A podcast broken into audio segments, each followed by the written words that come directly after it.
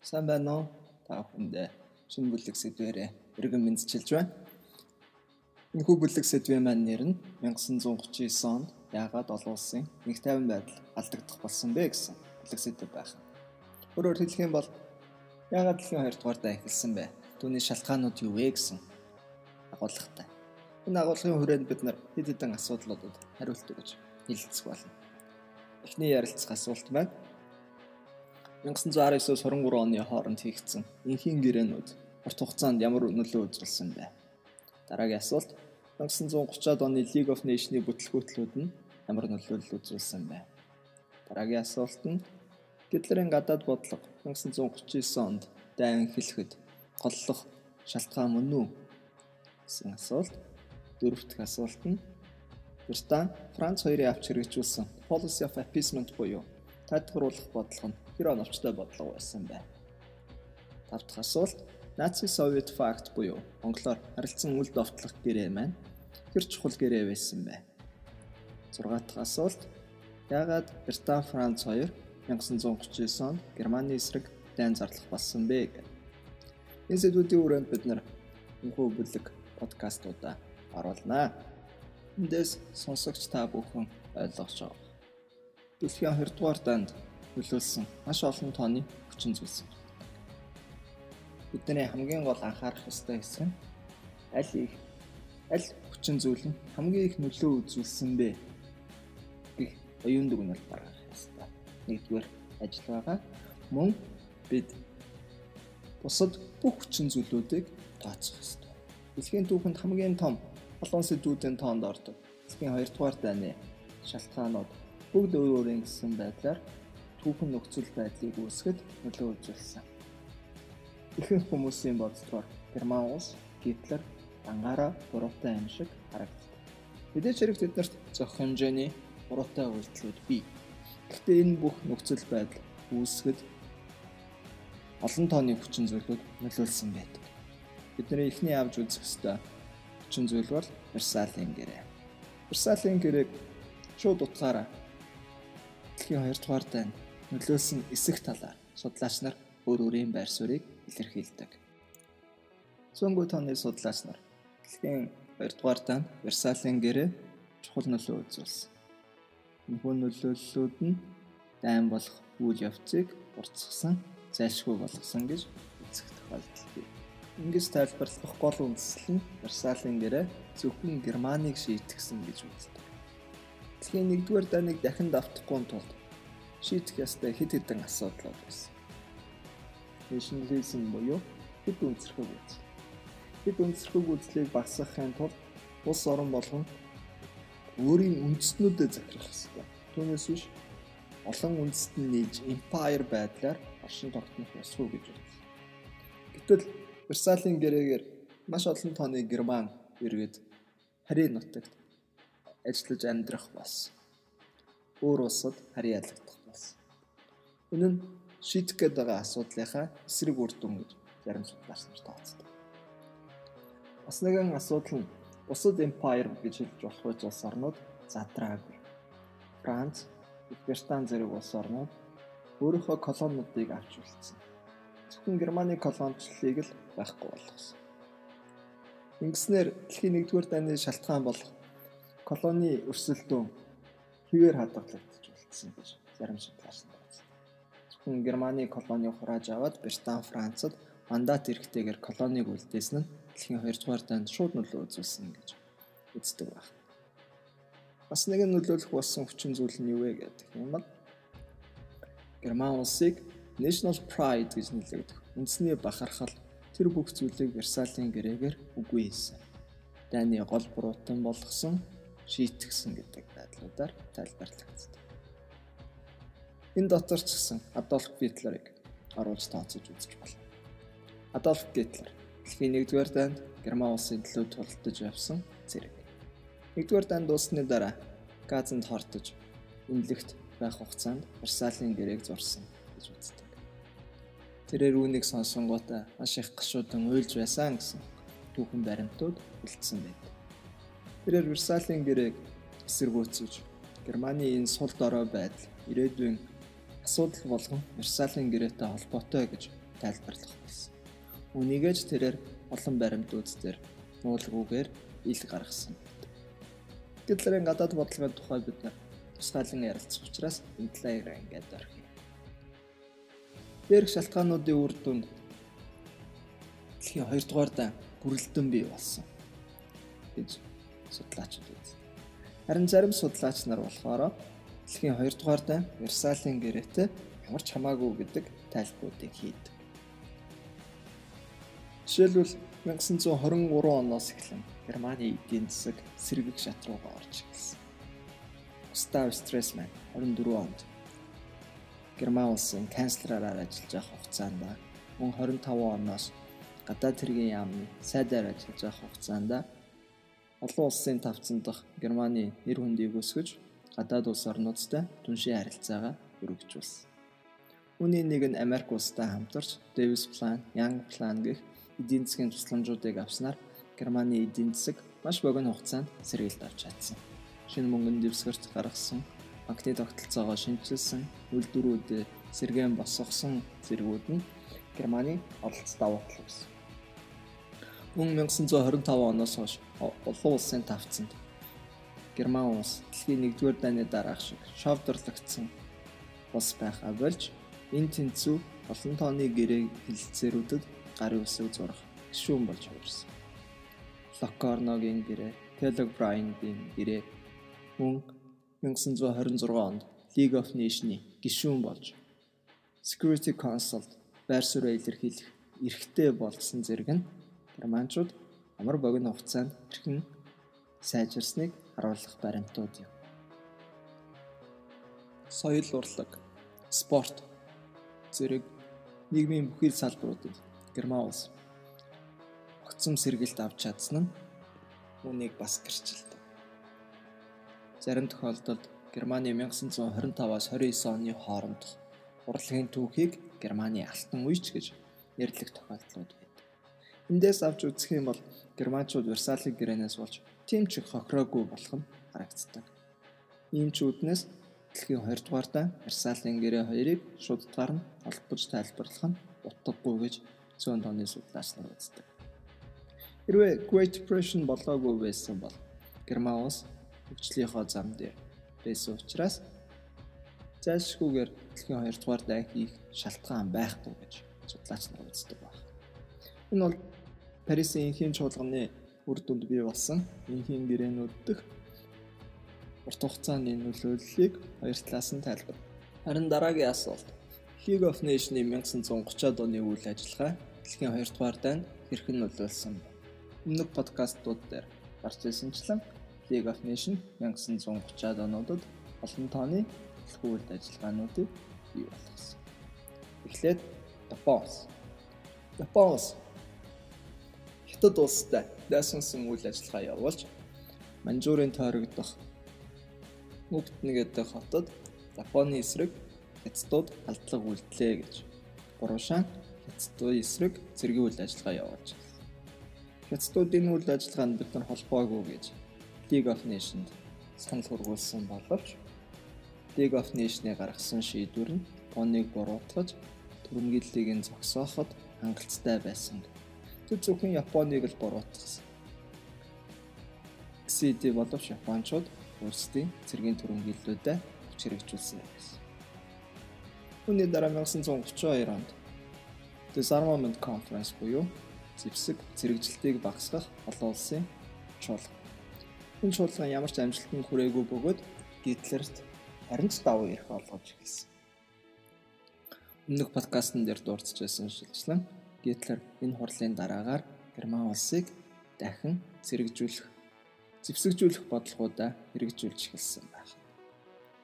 1934-с 35 оны хооронд Абиссиниагийн хямралын үеэр ч гэсэн League of Nations дөрвтэй арга хэмжээ аваагүй бөгөөд эдийн засгийн хориг арга хэмжээг Италийн эсрэг авч хэрэгжүүлсэн боловч энэ нь үр дүнгүй байсан. Учир нь League of Nations-ы ардуур Британи улс Итали улстай нууц гэрээ байгуулсан. Энэ бүхэн League of Nations ямар ч чадваргүй болохыг харуулж өгч байна. Чадваргүй болсон League of Nations-ы үл тоон дараа дараагийн үйл явдлууд өрнсөн байх нь. Түрүү хэлжсэн дэлхийн 2 дугаар дайн олон тооны үйл явдлын занглаан дээр бий болсон.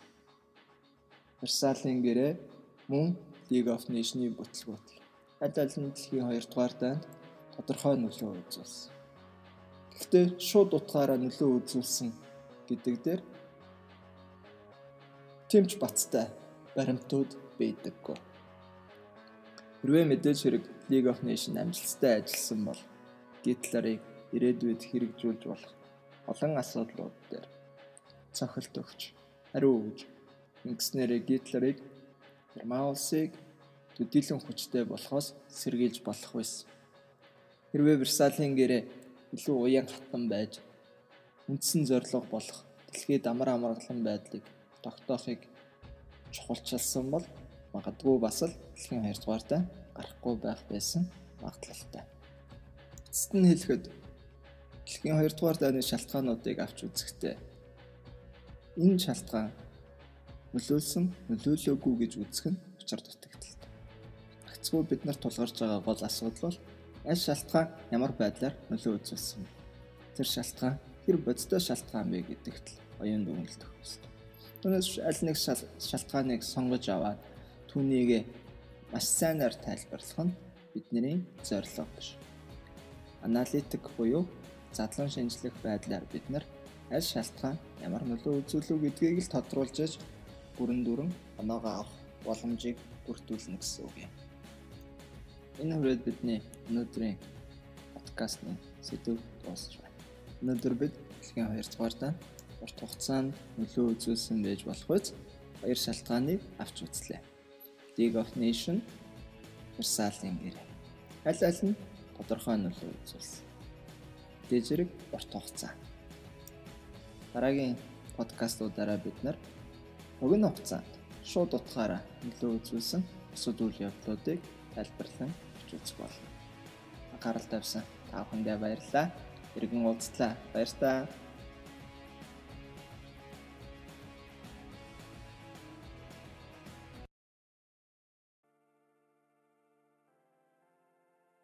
Сайн байцгаана уу та бүхэнд. Энэ өдрийн мэндийг хүргэе. Энэ подкаст дэлхийн 2 дугаар дайны шалтгаанууд гэсэн сэдвийн хүрээнд үргэлжлэн хурж байна. Өнөөдрийн бидний ярилцах сэдэв бол Адольф Гитлерийн бодлого нь дэлхийн 2 дугаар дайнд хэр их нөлөө үзүүлсэн бэ? Тэрээр царын ганц хуруутан нөө гэсэн сэдвийн хүрээнд яригдах болно. Үүн түрүүнд бид Адольф Гитлерийн тухай товчхон ярилцаад өнгөрөх нь зүйтэй болов Тэрээр дэлхийн түүхэнд сайн гэхээсээ илүүтэйгээр саар байдлаар нөлөө үзүүлсэн томоохон улс төрчны нэг юм. Орчин үеийн Европ болон дэлхийн түүхэнд хамгийн чухал, хамгийн их өөрчлөлтийг авчирсан магадгүй хамгийн том улс төр удирдахч байхыг үүсэх аргагүй юм. Түүнтэй холбоотой маш олон таагүй түүхт орсончууд байдаг. 5.5 сая еврейчүүдийг хамраглан устгасан геноцид дэлхийн 2 дугаар дайнд нас барсан 19 орчим сая сэргүүдийн бүхэлд за мөн 10 гаруй сая орчим энгийн иргэдийн бүхэлд холбоотой гэж тооцогддог хамгийн муу нэртэй ус төрч. Хэрэг энэ ус төрчийн түүхэн замнууд эрг сүрэг олон үйл явдлууд байсан.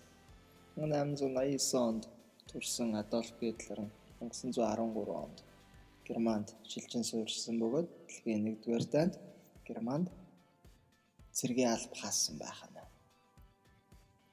Харин дэлхийн 1-р дайнд дуусны дараа сайн дураараа цэрэгт үлдэж тагнуулын үргийг гүйцэтгэх болсон.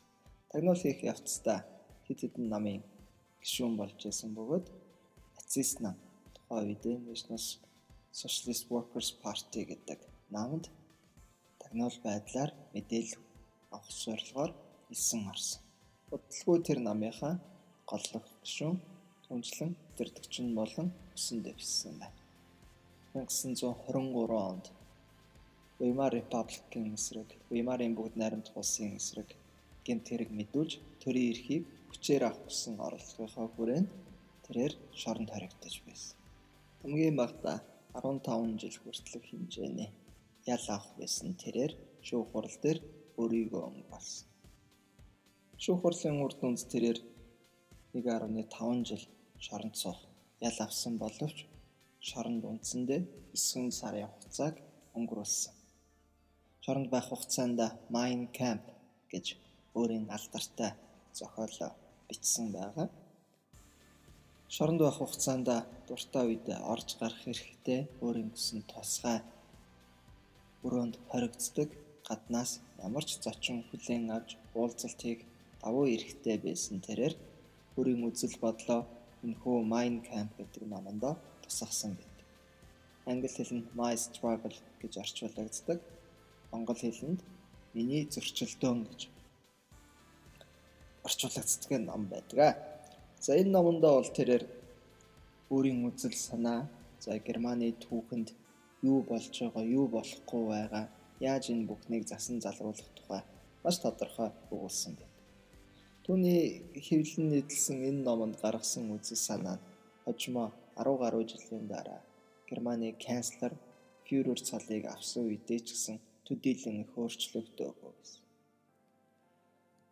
Тэрээр шоронгоос суллагдсныхаа дараа нацист намыг дахин зохион байгуулж хүчээр төрийн эрхэнд гарах боломжгүй юм байна.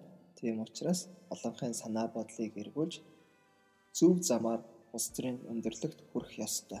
Зөв зам гэдэг нь мэдээж хэрэг сонгуулийн арга. Гэсэн хэдий боловч Германы эдийн засаг улс төр тогтвортой байсан учраас 1929 оны хүртэлх хугацаанд түнс төдийлөн их боломж гараагүй. Нацист нам ч гэсэн ард олон дунд нэр хүнд төрийн эсрэг үйл ажиллагаа явуулсан хэрэгээр онсон шүүхээс нацист намыг бантсан учраас шоронгоос гарч ирээд дахин зохион байгуулсан. Хэдий боловч 24-с 29 оны хооронд нацист нам олонхын суудал авах байтугай цөөн тооны судалж авах боломжгүй жижиг намын тоон тооцогдож байсан. Харин 1930 оноос Great Depression буюу эдийн засгийн хямралын үеэс Гитлерт дахин сэргэх боломж гарч ирсэн байна. Өмнөх подкастт хэлжсэн шуслан дэлхийн эдийн засгийн байдал тогтворгүй болж улс орнууд хүчтэй хүчгүйгээ гэх төрөнгийн үзэл санаанд тулгуурлан үйл ажиллагаа явуулах магадлал өндөр болж гисэн. Энэ үед ч гэсэн экстрем гэж нэрлэгддэг нацист нам засгийн эрхэнд гарах боломжоо ашигласан байх юм байна. Улс төрийн тавцан дох бүхий л арга хэрэгслүүдийг хэрэгжилж бүхий л талуудтай харилцан тохиролцсны үр дүнд 1932 оноос эхлэн нацист нам төрийн эрхэнд томоохон байр суурийг эзлэх болсон. Гэхдээ 1932 оны сонгуулиар нацист нам олонхын суудлыг авч чадаагүй. Рейхстаг буюу Германы парламентод хамгийн их судалтай нам нь нацист нам байсан ч гэсэн олонхын судлыг авч чадаагүй.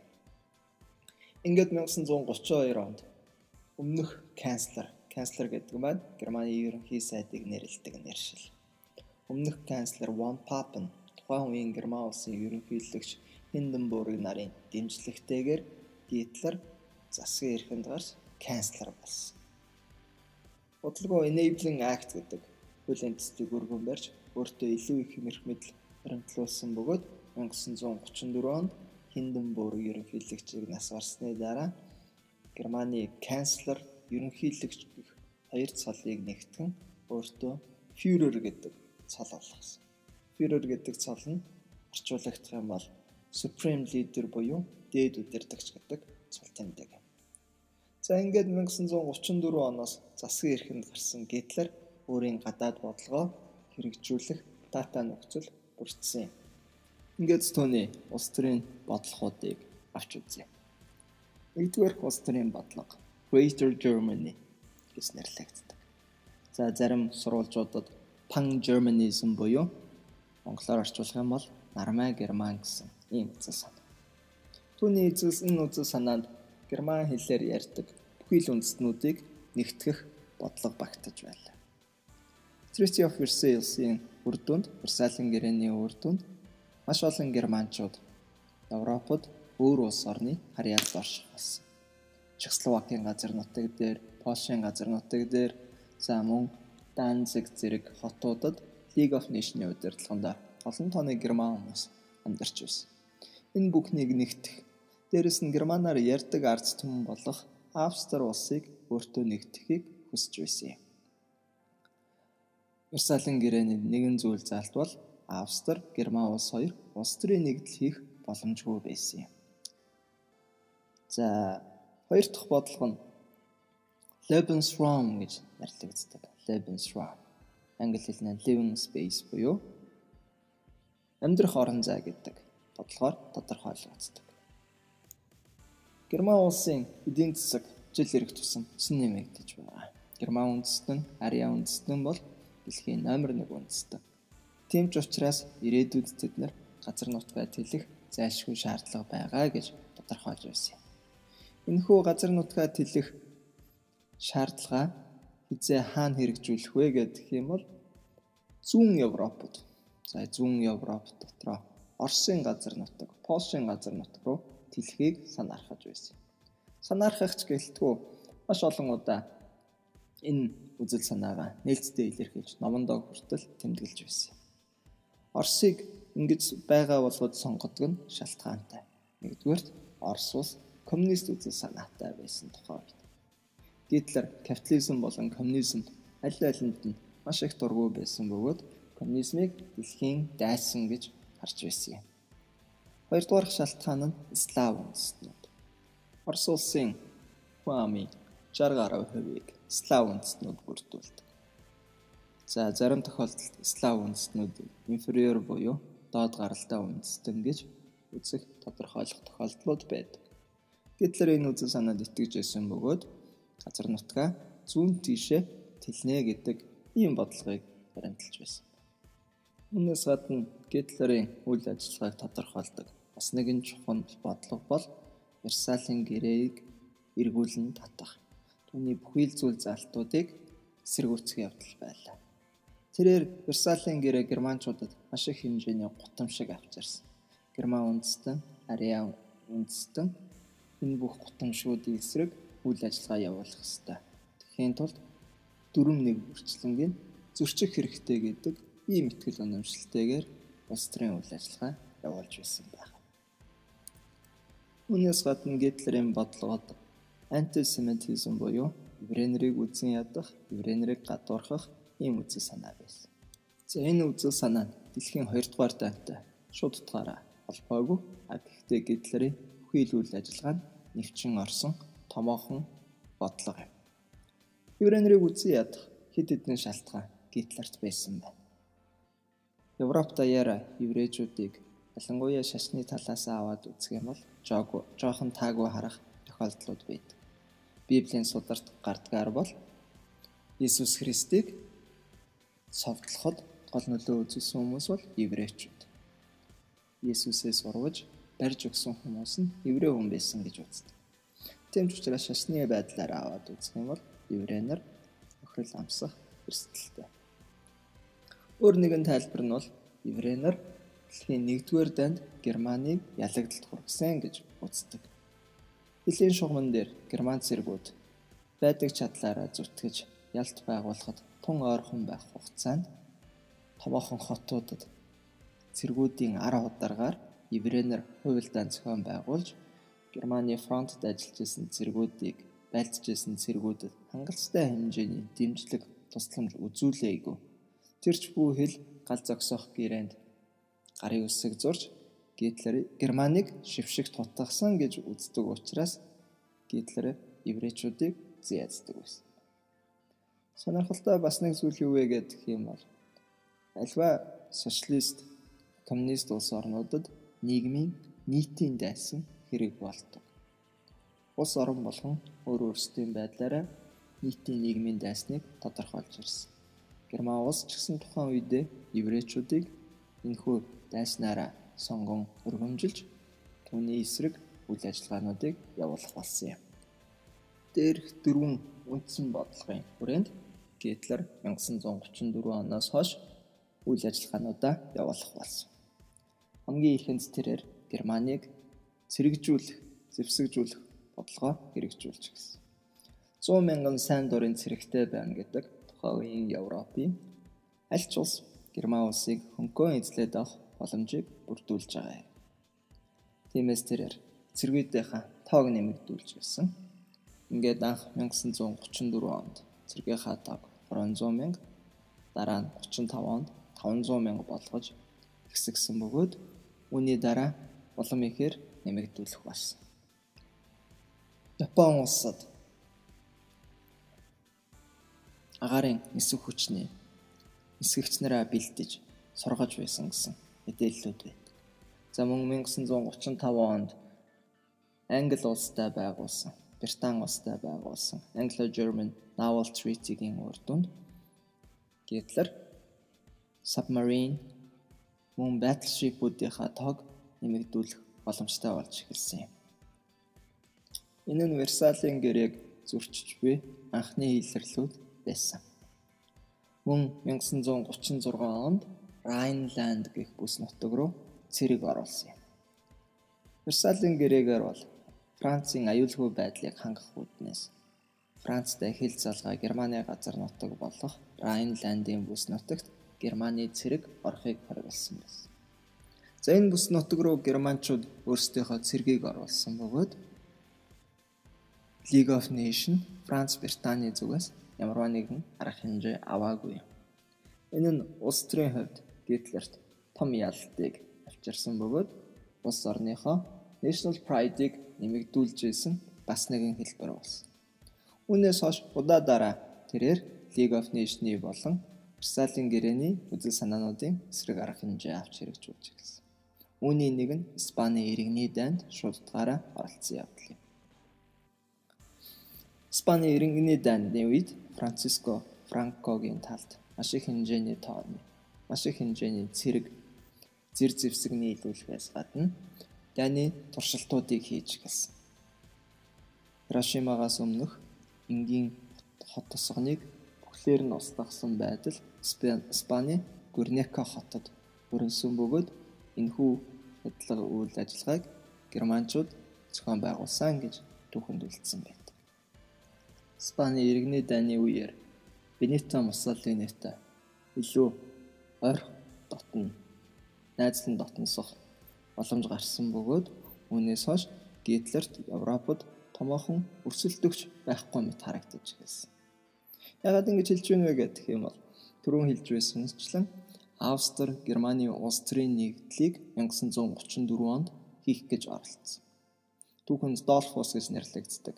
Энэхүү үйл явдлыг зогсоосон гол эзэн нь Бенито Муссолини. Хөрш улсаа нүдэн дээр нь хүчрэхэг болохыг Италичууд харж төвчээгүй баг. Харин Испани иргэний дайны дараа Муссолини Гитлер хоёр илүү дотн нөхөрлөх болсноор Гитлерт ориг саад байхгүй болж гисэн.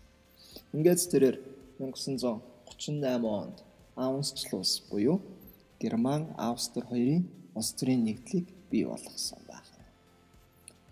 Улс орныхоо хүрээнд газар нутгаа тэлэх Герман үндэстнүүдэд нэгтгэх бодлогынхоо хүрээнд ийм үйл явдлуудыг хийж эхэлсэн. Эдгээр үйл явдал нь аль нь ч цэрэг дайны үйл явдлууд байгаагүй бөгөөд харьцангуй энхийн замаар шийдэгдэж эхэлсэн. Гисэн хэдий боловч хинч хоригдлохгүй байгааг анзаарсан Гитлер араа дараагийн шийдэмгий арга хэмжээнүүдэд авах болсон. Үүний нэгэн жишээ бол Sudetenland.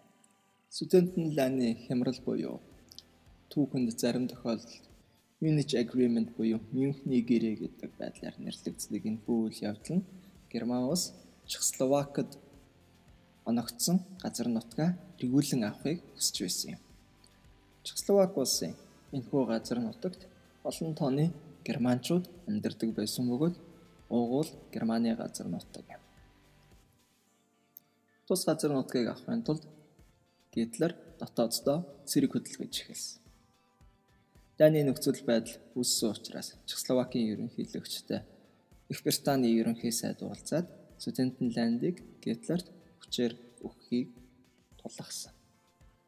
Үүний хариуд нь Чехословак улсын үлдсэн газар нутгийн аюулгүй байдлыг Их Британи улс хариуцаж авч үлднэ гэсэн гэрээ байгуулсан.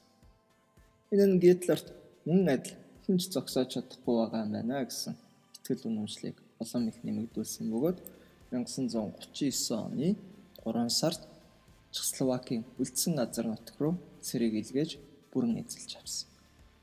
Ингээд Герман улс маань зүүн тишээ газар нутгаа ялгүй тэлээд Польш улстай хил залгах болсон. За өөрийн Greater Germany гэдэг гадаад бодлогынхоо үр дүнд Польшийг ч гэсэн эзлээ авахыг хүсэж байсан. Гол асуудал нь юу байсан бэ гэдэг юм бол Польшийг эзэлж авахд Оростой шууд утгаараа нүүр тулна гэсэн үг. Польшийн цадалд Орос улс байна. Оростой хэрхэн хил амаа олох вэ гэдэг дээр олон тооны арга хэмжээ авч хэрэгжүүлсэний үр дүнд 1939 оны 8 сарын 23-нд Орос Герман улсын гадаад хэргийн яамны сайд нар харилцан үл довтлолцох гэрээг зурснаар Польш улсыг эзлэн авах бүрэл амархан болсон. Тус гэрээний үр дүнд Польш улсыг Орос, Герман улс хоёр хувааж авсан юм. Энэ гэрээний тухай бид нар дараа дараагийнхаа подкастууд ярих учраас илүү дэлгэрэнгүй ярихгүй байхыг хичээлээ. Ийхүү Гитлер гадаад бодлогынхаа хүрээнд 1934-өөс 1939 оны хооронд олон тааны үйл ажиллагаа явуулсан. Энэ бүх үйл ажиллагаанд нь зогсоох хүчтэй эсэргүүцэл үзүүлэх нэг ч улс орон нэг ч албан байгууллага таараагүй. Ийм учраас өөртөө улам ихтгэлтэй болсон Гитлер 1939 онд Польшийн газар нутаг руу 1940 онд Скандинавын орнууд болох Норвег, Швед гэх улс орнууд руу довтлогоо явуулсан бөгөөд үүний дараагаар 1940 оны 6 сард Франц улс руу довтлсон байх нь. Иймхүү Европод 1939 оны 9 сарын 1-нд дэлхийн 2 дугаар дай эхэлсэн гэж үздэг. Мэдээж хэрэг Гитлерийн эдгээр бодлогууд нь дайн үнсгэхэд голлох нөлөөллүүдийг үзүүлсэн. Гэхдээ Гитлерийг зогсоох боломжууд байсан уу гэвэл хэд хэдэн боломжууд байсан. Энэ тухай бид нар дараагийн подкастн дээр илүү дэлгэрэнгүй ярилцах болно. Харин энэ удаад бид Гитлерийн гадаад болон дотоод бодлогууд нь түрэмгий улсын их тайван байдал занл хийсэн шинжтэй байсан гэдгийг олж харлаа. Тэвч учраас тэрээр дэлхийн 2 дугаар дайны гол буруутай этгээдүүдийн тоонд тооцогддог байх нь. Гэт анхаарал тавьсан та бүхэнд баярлалаа. Дараагийн подкастаар иргэн уулзлаа. Баяр таа.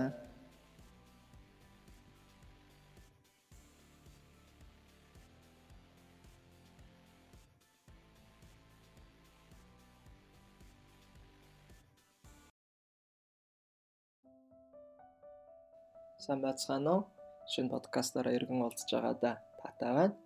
Бид энэхүү бүлгийн хүрээнд дэлхийн 2 дугаар дайны учир шалтгаануудын тухай ярилцж байгаа билээ.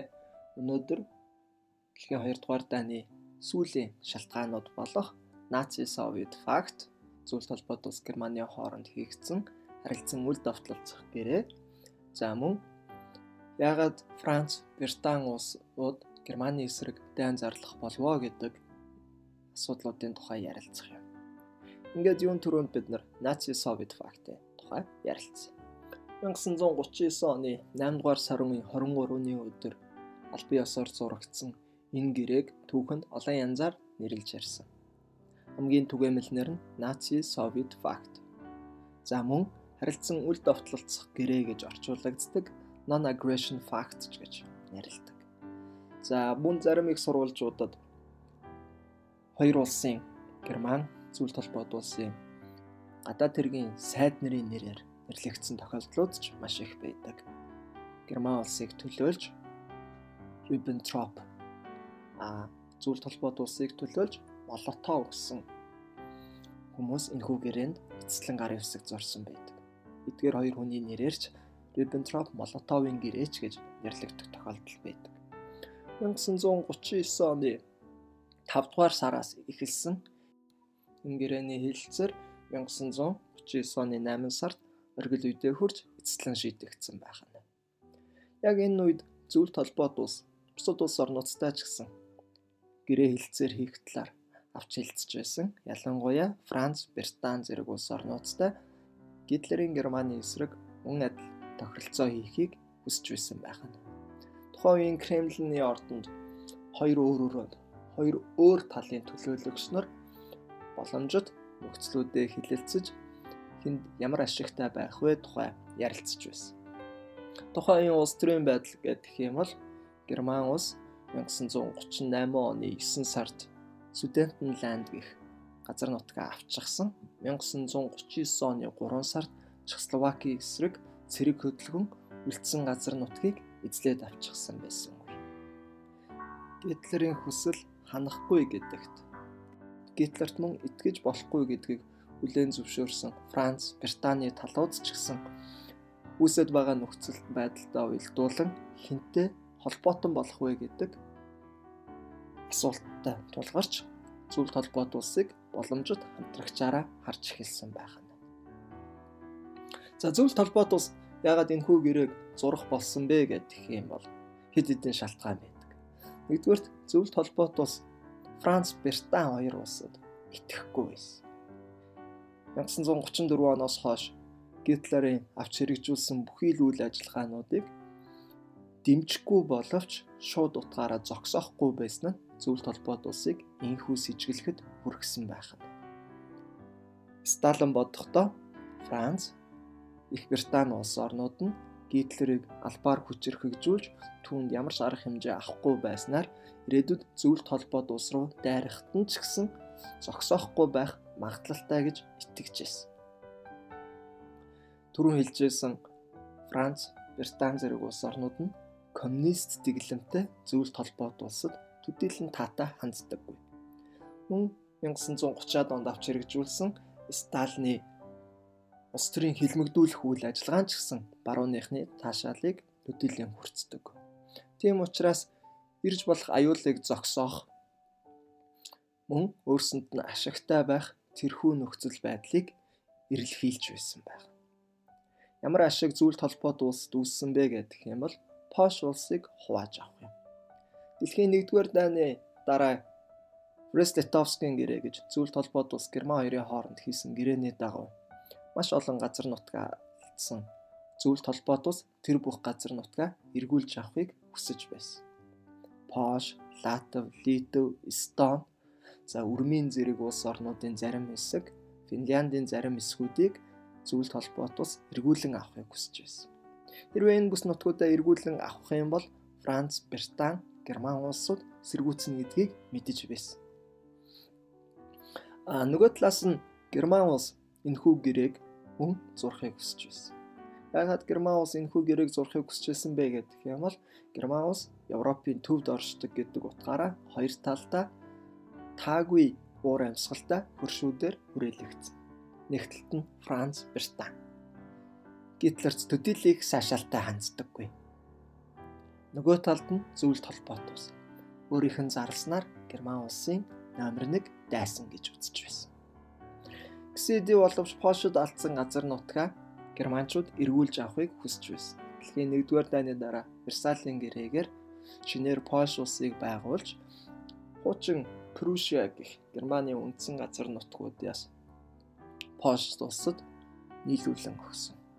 Энэ газар нутгаа эргүүлэн авахын тулд хэн нэгэнтэй тохиролцох шаардлагатай. Ялангуяа зүйл толгойд улстай. Хэрвээ Польш руу шууд цэрэг илгээх юм бол зүйл толгойд улстай хил залгах улс болчихно гэсэн үг.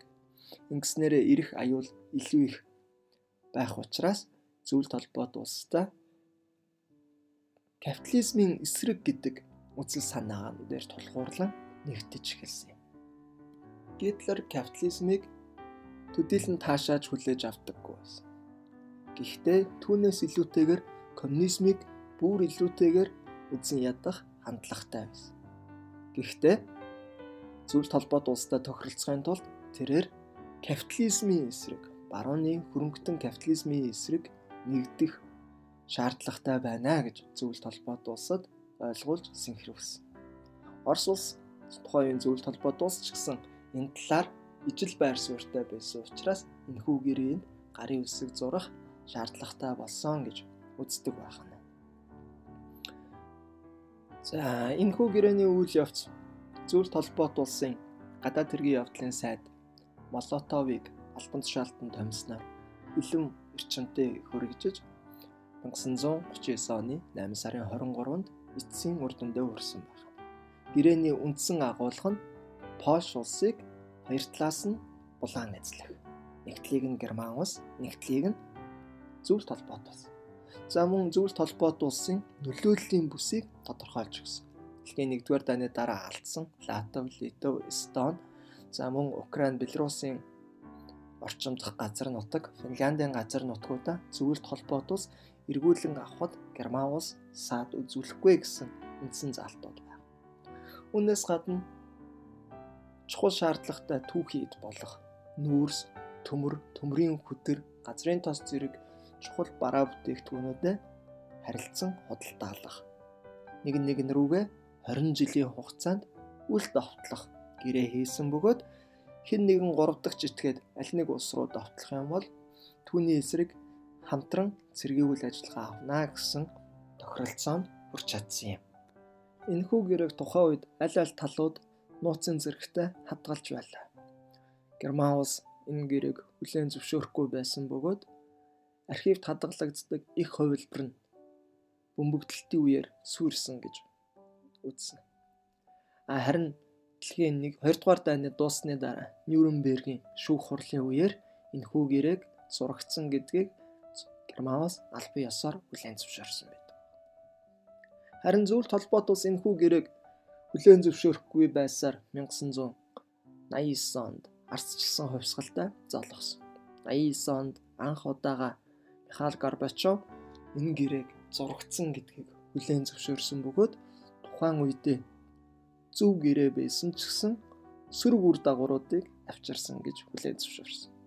Үүний дараа Владимир Путин ч гэсэн энэхүү гэрээг шаардлагатай гэхдээ маш буруу гэрээ байсан гэдгийг цохон тэмдэглэсэн. Бас нэг сонирхолтой зүйл нь тэрээр энэхүү гэрээг 1938 онд хийгдсэн Мюнхний гэрээнээс төдийлөн их ялгаагүй гэж зарласан юм. Мюнхний гэрээ гэдэг нь түрүүчийн подкастн дээр бид нар ярьж ирсэн. Судентенланд гэх Чехословакийн газар нутгийг Гитлерийн Германд өгсөн гэрээ юм. Түүнээс төдийлөн ялгаагүй гэрээ гэж Владимир Путин зарласан байдаг. Тэр 1989 он хүртэлх бүхэл хугацаанд энэ гэрээг байгаагүй мэтэр ярьж байсан. За энэ хүн нууц гэрээ 1939 оны 8 сарын 23-нд зурагдсан гэсэн хэдий боловч 2 хоногийн дараа Америкийн нэгдсэн улсын сонин хэвлэлүүдэд энэ гэрээний тухай яригдах болсон. За энэ гэрээний тухай яригдах болсноор хэд хэдэн талууд цочирдож хүлээж авсан.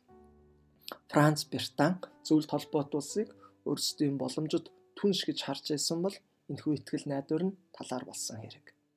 Нөгөө талд Япон улс ч гэсэн энэхүү гэрээг цочирдон хүлээж авсан юм.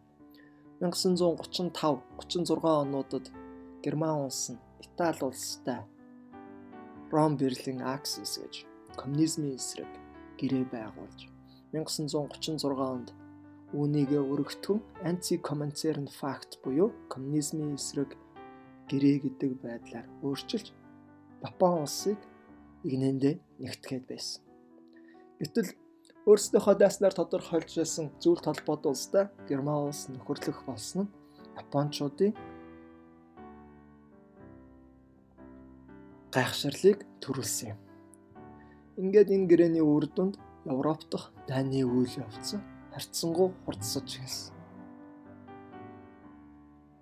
Герман улс Польш улс руу давтлахад ямарваа нэгэн бэрхшээл байхгүй боллоо гэсэн. Ингээд 1939 оны 9 сарын 1-ний өдөр Герман улс Польшийн газар нутаг руу цэрэг илгээсэн. Польш улс Оросын албаны улсыг тухайн зөвлөлт холбоот улсыг туслах болов гэж ботсон боловч 1917 1939 оны 9 сарын 17-ны өдөр Польш руу нөгөө талаас нь довтлсон юм.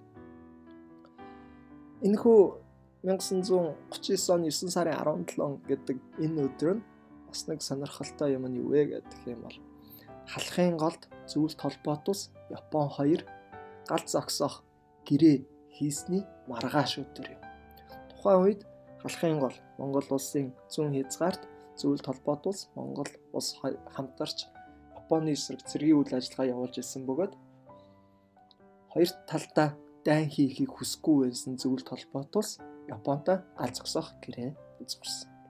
Япон улс ч гэсэн ерөнхийдөө ялагдах нөхцөл байдал үүссэн байсан учраас энэ гэрээнд гар явж зурсан. Ингээд дорн дахиндах асуудлаа шийдсэн зөвлөлт холбоот улс маргааш нь Япон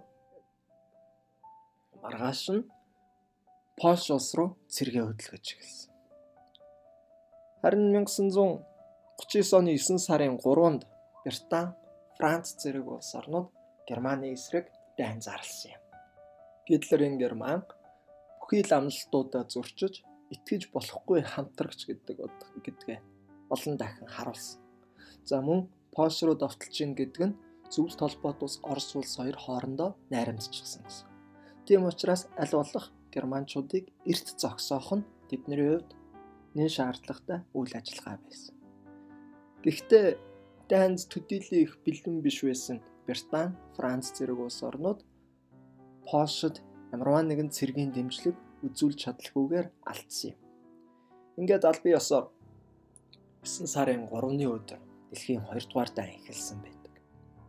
Үүний дараа Герман улс Скандинави орнууд руу дайрч эхэлсэн бөгөөд 1940 оны хавар Франц улс руу давталж Франц улсыг богинохон хугацаанд эзлэн түрэмгийлж чадсан байдаг.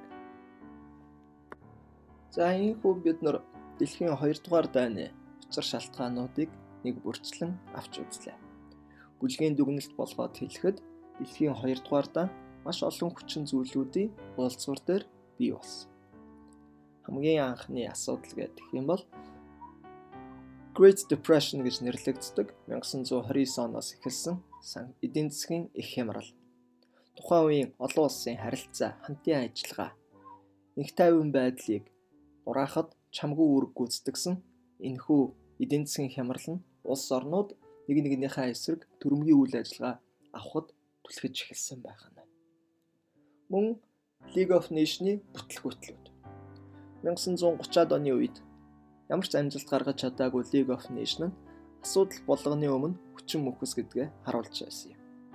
Ингэснээр дэлхийн нэг тайван байдлыг сахиулах нэгдсэн том хүчин байхгүй учраас улс орнууд илүү төрөмгийн арга хэмжээ авч хэрэглэх байсан. Япон, Итали, Герман зэрэг улс орнууд цэргийн диктаторшип үүсгэж янз бүрийн улс орнууд руу давталж эхэлсэн байх. За энэ цаг үед Гитлер мөн засгийн эрхэнд гарч ирж улс орноо дайнд бэлтэж эхэлсэн. Түүний гадаад бодлого нь төрөмгийн шинж чанартай байсан бөгөөд Франц, Британи тухайн үед юу ч хийж чадлаггүйгээр policy of appeasement гэх тайтгаруулах бодлогыг хэрэгжүүлснээр улам их төрөмгийн байх нөхцлүүдийг бүрдүүлж эхэлсэн. Үн эцэст нь зөвлөлт холбоот ус Орос улстай гэрээ хийснээр дэлхийн 2 дугаар дайны бүхий л нөхцөл байдлууд бүрэлдэн бий болсон. Тухайн үеийн хамгийн том дайснууд, хамгийн том өстнүүд гэж тооцогдох болсон. Тооцогдож байсан Герман зөвлөлт холбоот улс хоёр нь гэрээ хийснээр тэдгээрийн эсрэг томоохон нэгдсэн аюул занал байхгүй болсныг харуулж байгаа хэрэг. Эдгээр шалтгаанууд бүгд нэг нэг нэгэ нөхцөлдүүлж байгаа юм. Дэлхийн 2 дугаар дайн зөвхөн энэ үйлдэлээс болсон гэж хэлэх томоохон буруутай үйлдэл байхгүй.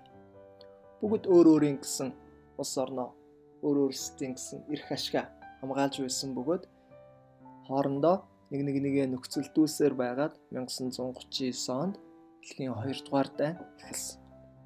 Түүхэнд болсон хамгийн том дайн гэж нэрлэгддэг. Хамгийн олон цэрэг энгийн иргэд нас барсан, хамгийн их хохирол учруулсан энэхүү дайн маань 1945 оны 8 сарын 16-нд албан ёсоор дууссан гэж үздэг.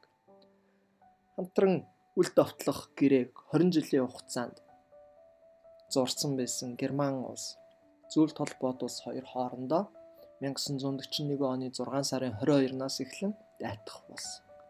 Герман улс Operation Barbarossa гэдэг дайны үйл ажиллагаагаар зөвлөлт холбоот улс руу довтолж эхэлсэн. За мөн 1941 онд болсон томоохон үйл явдал бол Pearl Harbor-ын бөмбөгдөл. Япон улс Америкийн нэгдсэн улсын номхон далайд дах Pearl Harbor-ын зэвсэгт зэвсгийн бааз руу довтлсноор Америк улс энэхүү дайнд татан орогдох нөхцөл болж өгсөн. Ингээд дайн үргэлжлэн явсаар байгаад 1945 оны 8 сард Хирошима, Нагасака гэх хоёр том хотод цүмийн зэвсэг хайснаар Япон улс бууж өгч дэлхийн 2 дугаар дан албан ёсоор төгссөн байна. Европод 2 дугаар дан арай эрт дууссан бөгөөд 1945 оны 5 сарын 8-ны өдрөөр дууссан гэж үздэг. Тухайн үед Гитлер өөрийн хорогдох байранда амиа хорлж зөвлөлт холбоот улс болон холбоотны цэргүүд Берлин хотыг эзэлж авснаар дэлхийн 2 дугаар дан Европод дуусгар болсон гэж үздэг байна. Энэ бүлэг сэдвтэй холбоотой асуултууд ихэвчлэн аль нэг шалтгааныг онцолж асуусан байдаг. Гитлерийн гадаад бодлого дэлхийн 2 дугаар дайнд буруутгах нь зөв үү? Наци Совет факт хамгийн том үүрэг гүйцэтгэсэн. Policy of appeasement буруу байсан. Ийм учраас дайм болсон гих мэтчлэн аль нэг шалтгааныг дүгийлгэн асуудаг. Сурагч бид нар энэхүү асуултуудад аль болох олон өнцгөөс хариулах шаардлагатай. Тухайн хүчин зүйл болгон ямар нөлөө үзүүлж дэлхийн 2 дугаар дайнд бий болоход ямар үүрэг гүйцэтгсэнийг тодруулах ёстой. Аль нэг талыг хэд баримтлах нь бидний оноо алдах гол нөхцөл байдал үүсдэг. Учир нь юу вэ гэдэг юм бол дэлхийн 2 дугаар дайн маань өөрөө зөвхөн нэг талын буруутай үйл ажиллагаанаас болоогүй байна олон үйл явдлуудын уулзвар дээр болсон. Тэр болгоны балансыг тохируулж олон талаас нь харж авч үзэн шалтгаан болгоныг зөв оновчтой баримтуудаар тайлбараар дэмжиж эцэст нь оюун дүгнэлт гаргах хэрэгтэй. Аль нэг томоохон шалтгаан цорын ганц хүчин зүйл бай гэж тодорхойлохоос зайлсхийх хэрэгтэй. Ингээд анхаарал тавьсан та бүхэнд баярлалаа. Энэ бүлэг сэдв маань энд хүрээд дуусч байна. Дараагийн шинэ бүлэг сэдвэр иргэн уулзтлаа. Баяртай.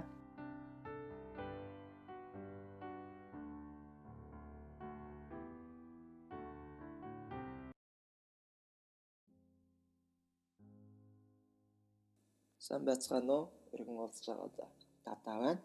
Бид нар дэлхийн 2 дугаар дайны учир шалтгаанууд гэсэн бүлэг сэдвийн хүрээнд подкастуудаа үргэлжлүүлэн хүргэж байна. Эхний подкастаараа бид League of Nations болон Версалийн гэрээний урт хугацааны нөлөөлөл Гитлерийн гадаад бодлого дэлхийн 2 дугаар данд хэрхэн нөлөөлсөн бэ зэрэг асуудлуудыг авч хэлсэн. Өнөөдрийн шинэ подкастаараа бид нар харин Policy of Appeasement гэх бодлогын тухай ярих юм. Policy of Appeasement гэдэг нь Британий гадаад бодлогыг тодорхойлдог бодлого байгаа. 1930-аад оны сүүл үеэр түлхүү ашиглагдаж эхэлсэн 1938 39 онуудад орхил үедээ хүрсэн ийм бодлого байгаа. Хэд хэдэн ерөнхий сайдууд энэ хүү бодлогыг дэмжиж байсан бөгөөд хамгийн их холбоотой хүн нь Невел Чемберлен гэх Их Британий ерөнхий сайд байдаг. Тэрээр энэ бодлогоо яагаад танилцуулсан бэ гэдэг юм бол тухайн үед Европод фашизм маш ихээр хүчтэй нэмэгдэж эхэлсэн. Итали, Герман улс орнууд, цэрэг улс орнууд цэрэгжилтийн байдлаар өөрсдийнхөө улс орныг зохион байгуулж ирсэн. Эдгээр хурш улс орнууд нь хүчирхэгчгийн ирээр Дани аюул санал хэлэл илүү их болсон. Харин Британчууд, Францчууд тэдгээр улс орнуудыг тайвшруулж чадах юм бол хүссэн зүйлийг нь өгөөд байх юм бол танаас сэргийлэх боломжтой гэж бодсон үндсэн дээр энэхүү бодлогыг хэрэгжүүлсэн. Гол зорилго нь дайнаас сэргийлэх мөн өөрсдөө дайнд бэлэн биш байсан учраас тодорхой хэмжээгээр хугацаа хожих зорилгоор энэхүү бодлогыг хэрэгжүүлсэн. Энэхүү бодлого нь League of Nations-ийн үйл ажиллагаатай ч гэсэн шууд утгаараа холбогдож орж ирдэг. Ягаад вэ гэдэг юм бол тухайн үеийн League of Nations-ийн тэргүүн улс орнууд хамгийн их эрх нөлөө бүхий улс орнуудаар Британи, Франц зэрэг улс орнууд байсан. Тэд удаа дараалан Европын төрөмгийлэгчийн эсрэг дөрвтэй арга хэмжээ авахгүй байсан. Нэг талаасаа энэ нь сул доройг харуулж байгаа боловч нөгөө талаасаа энэ нь дайнаас сэргийлэх бүхий л арга аргачлалаа хэрэгжилж байгаа үйлдэл юм. Жишээлбэл 1935 онд Абисниаг Италичууд эзэлж авсан. Тухайн үед Абисниа руу довтлсон Италичуудыг League of Nations буруутгаж эдийн засгийн хориг арга хэмжээ авсан боловч Британи, Франц нууцаар гэрээ хийж чухал түүхийдээ удалдаалах санамж жижигт гарын үсэг зорсон. Энэ нь юг харуулж байна гэдэг юм бол хөрс зэрэгэлтэй Итали улс нь хөрс зэрэгэлтэй Итали улстай муудах нь Африкт байгаа аль нэг улсыг хамгаалахаас илүү ноцтой гэж үзсэн хэрэг. За үүнийг Гитлер өөрийнхөө давуу тал болгон ашиглаж эхэлсэн. Тэр хэрэг бүх үйлдэлийг хараад League of Nations, Британи, Франц банд бэлэн биш байгаа сул дорой гэдэг итгэл үнэмшилт өрсөн юм. Ингээд тэр 1934 оноос эхлэн засгийн эрхэнд гарснаас хойш Версалийн гэрээний зүйл залтуудыг нэг бүрчлэн зөрчиж эхэлсэн. Цэргийнхаа тоог нэмэгдүүлсэн. Энэ үед Франц Британи аль аль нь урааныг арга хэмжээ аваагүй. 1936 онд Райнландын цэрэггүй бус нутаг руу германчууд өөрсдийн цэрэгээ оруулсан. Райнланд гэдэг нь Германы газар нутаг Версалийн гэрээгээр цэрэггүй байх ёстой гэж гисэн. Гэсэн явдлын боловч германчууд энэ бүс нутаг руу цэрэг оруулснаар Версалийн гэрээг дахин нэг зүйл залтыг нь зөрчиж буй хэрэг юм. Тухайн үедээ Гитлер хэрв нэг л бундуу гарсан бол бид цэргээ эргүүлэн татах байсан гэж тайлбарладаг. Хэдий боловч ямар ч бундуу гараагүй харин ч Гитлерийн нэр хүндүсч тэрээр өөртөө улам ихтгэлтэйгээр дараа дараагийнхаа үйл ажиллагаануудыг авч хэрэгжүүлэх болсон. 1938 онд Австртай улс төрийн нэгдэл хийж гисэн Аунчлус гэдэг энэхүү Австри Германы улс төрийн нэгдэл нь Гитлерийг улам хүчрхэг байр сууринд хүргэж эхэлсэн юм. Тухайн үед мөн Франц Британи хариу арга хэмжээ аваагүйг ажигласан Гитлерийн Герман улс илүү их томоохон шахалтуудыг олон улсад үзүүлэх болж эхэлсэн. Үүний нэгэн илэрлэл нь 1938 оны 9 сард Munich Agreement гэдэг хэлцээрээр батлагдсан. Тухайн үед Sudetenland гэх дэлхийн 1-р дайны дараа Чехословак улсад алдсан газар нутгаа Гитлер эргүүлэн авахыг хүсэж байсан. Тэнд маш олон тооны германаар ярьдаг хүмүүс байдаг бөгөөд германаар ярьдаг нийт хүмүүсээ нэгтгэх нь Гитлерийн Greater Germany гэдэг улс төрийн бодлогын нэг хэсэг юм. Чехословак улсад Sudetenland гэдэг газар нутгийг эргүүлэн өг үгүй бол дайн зарлана гэдэг байдлаар сүртүүлж эхэлсэн. Чехословак улс нь Британи, Франц хоёроос тусламж хүссэн боловч тэдний хүссэн үр дүн хараахан гарч таагүй. Британий ерөнхий сайд Невел Чемберлен Чехословакийн ерөнхийлөгч Гитлер Муссолини гэх дөрвөн хүмүүс Мюник хотод, Мюнхен хотод хуралдаж шийдвэр гаргасан. Энэхүү шийдвэрийн үр дүнд Чехословак улс Sudetenland гэх газар нутгаа Герман улсад шууд өгөх болсон. Хариуд нь хэрвээ үлдсэн газар нутаг руу ч Герман улсаа нарах юм бол бид нэр хамгаалнаа гэсэн тохиролцоонд хүрсэн. Мэдээж хэрэг Чехословакийн хувьд энэ нь хүссэн үр дүн биш. Гэхдээ Германтай дайн хийхийг хүсэхгүй байсан учраас ялцчгүй зөвшөөрөхөөс өөр аргагүй болсон юм. Невел Чемберлений энэхүү үйлдэл маш олон талаараа шүүмжлэгч нарын бай болж эхэлсэн. Өөрөө тэрээр тодорхойлохдоо bringing the peace in our time буюу бид өөрсдөө амьдарч буй хугацаанд инх тайван байдлыг тогтоож чадлаа гэдэг байдлаар зарлаж байсан Германы төрөмгийллээс сэргийлж чадсан гэж үзэж байсан юм. Харин нөгөө талд нь маш олон судлаач нар Гитлерийг хүссэн болгоныг нь өснөр улам их тавраалаа. Тэрээр цаашид юу ч хийж болох юм байна гэдэг итгэл үнэмшилтэй боллоо гэдгийг нь харж байсан юм. Мэдээж хэрэг аль аль талаас нь бид энэхүү үйл явдлыг авч үзэх ёстой. Олон тооны судлаач нар policy of appeasement зөв байсан гэж үздэг. Яагаад зөв байсан гэж үзэх шалтгаан нь 1936 онд Их Британий цэрэг армийн тоог 1939 оны цэрэг армийн тоотой харьцуулж үзсэн байдаг. Түрүүн хэлжсэн Британи Франц энэхүү үйлдэлүүдийг policy of appeasement-ийг цаг хожихын тунд тулд ашиглаж байсан гэж. Яг ч энэ утгаараа 3 4 жилийн хугацаанд Британий арим маш хүчирхэг болж цэрэг агаарын хүчин усан флотынхаа хүчүүдийг маш ихээр зузаатгаж чадсан юм. Хайр минь бараг л 1.5 дахин нэмэгдсэн статистик үйд. Хэрвээ policy of appeasement-ийг хэрэгжүүлээгүй байсан бол 1930-аад оны дундуур дэлхийн 2 дугаар дайн эхлэх магадлалтай байсан. Хэрвээ энэ үед дайн эхэлсэн бол Герман улс ялт байгуулах бүрэн боломжтой гэж зарим судлаач нар үздэг. За мөн policy of appeasement-ийг зөвтгөх бас нэгэн шалтгаан нь Гитлерийн гадаад бодлого. Өмнөх подкастн дээр ярьж байсанчлан 1923 оноос хойш Гитлер нээлттэйгээр зөвлөлт холбоот ус коммунист улс орнууд Германы дайсан гэдгийг зарлж байсан. Британи, Франц зэрэг улс орнууд Гитлер энэ амлалтанда энэ үзэл санаандаа тууштай байх болов уу гэж итгэж байсан юм. Коммунист улс орнуудад Британи, Франц хоёр төдийлөн дуртай биш. Тийм учраас миний дайсны дайсан, миний найз гэх итгэл үнэмшлэр Германд хандаж байсныг хүсгэх аргагүй юм. Энэ нь зөвхөн Британи, Франц хоёрын улс төрийн шийдвэр гэхээсээ илүүтэйгээр ард олныг хүсэлж иймэрхүү өнгө аястай байсан. Тэд Сталинаас Гитлерийг илүүд үзэж байлаа. 1930-ад оны дунд үеэр Сталин нутагта томоохон хэмжээний хилмигдүүлэлтийг зарлж олон тооны хүмүүсийн амь насанд хүрсэн.